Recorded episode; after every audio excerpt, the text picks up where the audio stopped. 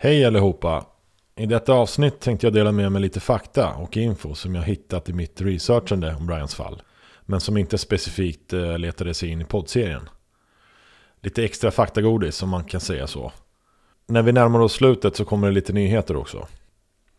Vill passa på att tacka för att ni lyssnar på podden och eh, för den senaste lyssnarboosten som skett de senaste månaderna.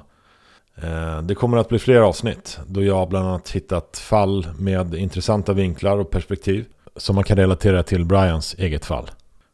Mitt namn är Edo La Rosa och detta är en podd helt ägnat till Brian Schaefers försvinnande.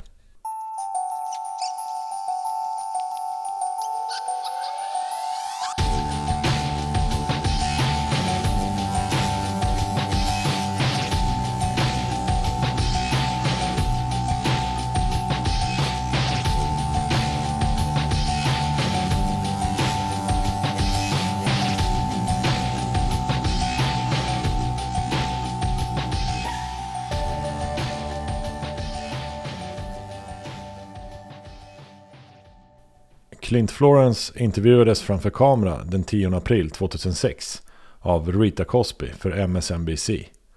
Hon är fortfarande idag en välkänd nyhetsankare och en bästsäljande författare. Just den 10 april startade studierna åter efter spring break. Och många var hoppfulla om att Brian skulle dyka upp och vara tillbaka för när man hoppades var en välbehövlig frånvaro. Kanske för att ladda batterierna eller komma till rätta med någon av hans självupplevda bekymmer.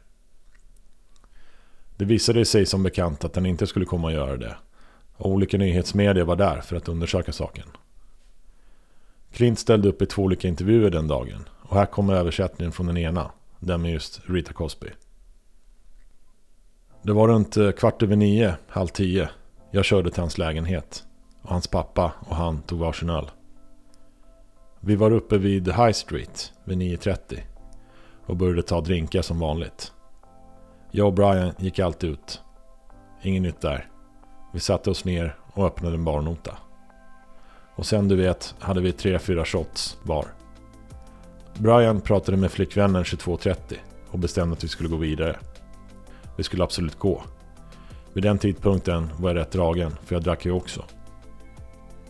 Jag antar att vi kom till det Short North runt 23.45 tiden till midnatt. Vi stannade tillräckligt länge för en shot även där. Kanske runt 15 minuter, sen baren Brothers. Jag skulle vilja säga att vi var där i en halvtimme. Sen promenerade vi ner mot Red Star och blev uppplockade kort därefter. Vi kommer till Agletona där kameran fångar oss rakt framifrån åkandes på rulltrappan. Vi ser några av mina studenter. Vi satte oss ner bredvid dem. Meredith satt på min högra sida jag i mitten, sen de två tjejerna och Brian gjorde sin vanliga grej. Och jag sa Brian, håll dig kvar här. Han hade en benägenhet att vandra iväg. Och förmodligen 10 minuter, 15 minuter senare vänder jag mig mot Meredith och säger vi drar. Det var stängningsdags, runt två tiden. Och vi såg inte ett spår av Brian. Om vi fortsätter på Clint-spåret. Efter att Clint och Meredith lämnat garaget med Merediths bil och begav sig till Clintonville. Där Clint husgästade åt sin professor som hade varit bortrest. Så var det tvungna att knappa in en kod för att ta sig in och förbi inhägnaden till huset. Utredarna kontrollerade tidpunkten den natten för när koden skulle ha tryckts in. Och det stämde exakt med den tiden det skulle ha tagit någon från att köra från baren på High Street direkt till denna professors hus. Efter att Brians försvinnande var ett faktum och man sådde upp lägenhetskontraktet och började flytta ut alla möbler så sades det att man fann att Brian hade klottrat ordet live bakom sängen. Alexis förnekade dock att detta hade varit sant när hon fått frågan. Hon uppgav i ett annat sammanhang när hon en tid efter Brians försvinnande börjat tvivla på om det de haft verkligen varit en seriös relation. Hon upptäckte då i den vevan att lösenordet till Brians e-post hade varit Alexis Love Mary. Beträffande Brians hittebelöning eller reward på 25 000 dollar så hade den förvaltats av Ohio Crime Stoppers. När Kelly Bruce undersökte saken med hennes podcastkollega Nick så visade det sig att de allokerat hans belöning redan 2010 till andra fall. Uppenbarligen så talar det aldrig om att så hade varit fallet förrän saken undersöktes 2018. Allt som hade skänkts till Bryans reward var således borta. När hans reward hade stigit till 100 000 dollar så stod en individ, Jay Lemona, och hans organisation bakom 75 000 dollar av den totala belöningen. Denna man och organisation hade dock varit bedragare. Dessa pengar hade aldrig erlagts och han arresterades för andra fall och liknande bedrägerier. Egentligen begångna bara i syfte att få mer uppmärksamhet för egen del. John Hurst, som var ansvarig för Brians utredning från dag ett, har under åren kommenterat hans relation till fallet och den frustration han känt över att det inte funnits något att gå på i Brians försvinnande. Han tänkte konstant på vad Brian kunde vara. Han brukade skanna av och titta efter Brian när han var utstationerad på större tillställningar och det var stora hop av människor närvarande. Vid ett tillfälle under en match i amerikansk fotboll med tiotusentals åskådare var han säker på att han fått syn på Brian. Han rusade fram emot denna person och nästan välte folk i sin framfart. Han lyckades få tag i den här personen. Det visade sig vara Derek, Brians singelbror. Om vi lutar oss tillbaka mot det mer mystiska så producerades förra decenniet en programserie som hette Psychic Kids. Det sändes även på kabel-tv här i Sverige. Serien handlade om barn och tonåringar som ansågs ha mediala gåvor och förmågor. Det lotsades runt till olika hemsökta hem eller platser och det fick ge deras intryck till oförklarliga fenomen. I den första säsongen av serien, i avsnitt nummer 6, The Missing Person, som sändes 2008, tog man upp Brian Schäfers fall. Tre olika ungdomar fick kommentera lite vad de upplevde. De besökte bland annat området vid Agletuna och man får se hur de åker upp för rulltrapporna utanför barentrén. En av ungdomarna uppgav att de kände att Brian hade blivit iakttagen av någon som hade stått på terrassen vid baren. Och att den här individen hade haft onda avsikter gentemot Brian. En annan nämnde att de kände att en kvinna med blont hår hade varit involverad på något sätt. Den kanske mest intressanta iakttagelsen var av den tredje individen som sa att Brian kommit tillbaka till baren. Programledaren som var med på den här så kallade seansen kommenterade typ Ja, helt rätt. Han stod utanför barentrén. Vi har det på videoupptagning. Sen gick han tillbaka in. Vi som är lite mer insatta i fallet vet att den här unge individen i så fall snappade upp att Brian kommer tillbaka in till Ragletuna efter att ha varit där tidigare under kvällen. Något som varken programledaren eller den unge mannen verkar vara medvetna om just då. Så det var lite creepy. Avsnittet avslutas med att Randy Schaefer intervjuas i vad som verkar vara hemma hos honom i hans vardagsrum. Han utbyter några meningar med ungdomarna och Randy blir därefter väldigt emotionell. Efter Brians försvinnande kom det fram en del tips om att han setts på en del olika ställen. En av dessa tips var de ett matställe i Michigan där uppgiftslämnaren hade blivit serverad av någon som såg exakt ut som Brian. Denna kypare hade till och med haft på sig en namnbricka med namnet Brian S på. När Randy fick höra detta ville han åka dit själv direkt och undersöka saken. Och han bad Laurie Davis att följa med honom dit. Polisen i Michigan hann dock dit före honom och rapporterade att kyparen inte hade varit Brian Schaefer. Möjligtvis hade han hittat en gammal namnbricka som han använt med just det namnet. På webben kan man läsa att Brian setts så långt borta som i vårt land, Sverige. Men stämmer detta verkligen?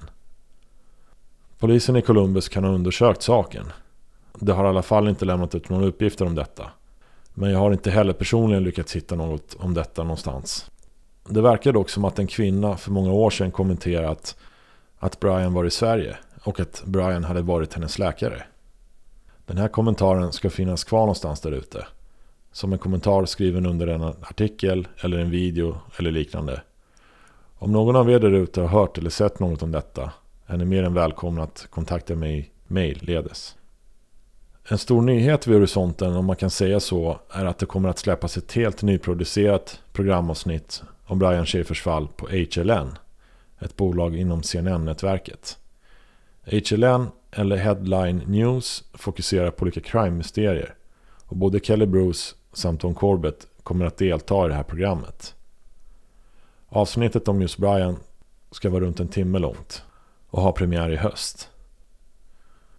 Jag har varit inne och tittat på HLN för att se deras utbud. Det verkar som att man behöver en VPN-tunnel för att få access till de här programavsnitten. Eh, jag ska undersöka detta ytterligare framöver och eh, kommer att hålla er uppdaterade.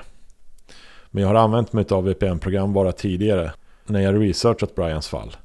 Det är ett program som maskerar vart man befinner sig. Normalt så kostar det en slant varje månad för att få använda det. Men man kan betala engångssummor också, typ på 10 dollar. Och då kan man använda det en månad till exempel. Många av de här klippen samt artiklarna som är skrivna om Brian är låsta för användare utanför USA. Så detta har varit ett sätt att komma runt det. Personligen ser jag med spänning emot releasen av detta avsnitt. Kanske kommer det fram något som man inte fått reda på hittills. Jag vet att Don Corbett nyligen besökte mexikanska semesterparadiset Puerto Vallarta efter ett tips om att Brian sätts på en restaurang där. Kanske får vi träffa Brians bror Derek framför kameran. Han har av väldigt förståeliga skäl varit eh, extremt sparsam med intervjuer. Så det vore väldigt intressant att få höra hans tankar kring Brians försvinnande, om det sänds något om det. Om inte annat så ger en sådan här produktion den uppmärksamhet och det så välbehövliga intresset som Brians fall förtjänar. En annan sak som är lite aktuell är nuvarande status på Brian Schafers fall hos CPD, eller The Columbus Police Department. När man begär ut offentlig information eller akter om fallet öppna för granskning från allmänheten under FOIA eller Freedom of Information Act så har Brian tidigare varit listad i deras case files som missing person. Nuvarande status ändrat under 19 eller 20 enligt min förståelse är att han är listad som voluntary walk-off, alltså som eget frivilligt försvinnande. Man har hittills inte fått någon förklaring till varför detta skett. En anledning kan vara att Brian själv kontaktat CPD och sagt att han är vid liv. En annan är att CPD fått reda på något som tyder på att Brian är vid liv och därmed varit tvungna att ändra den här statusen.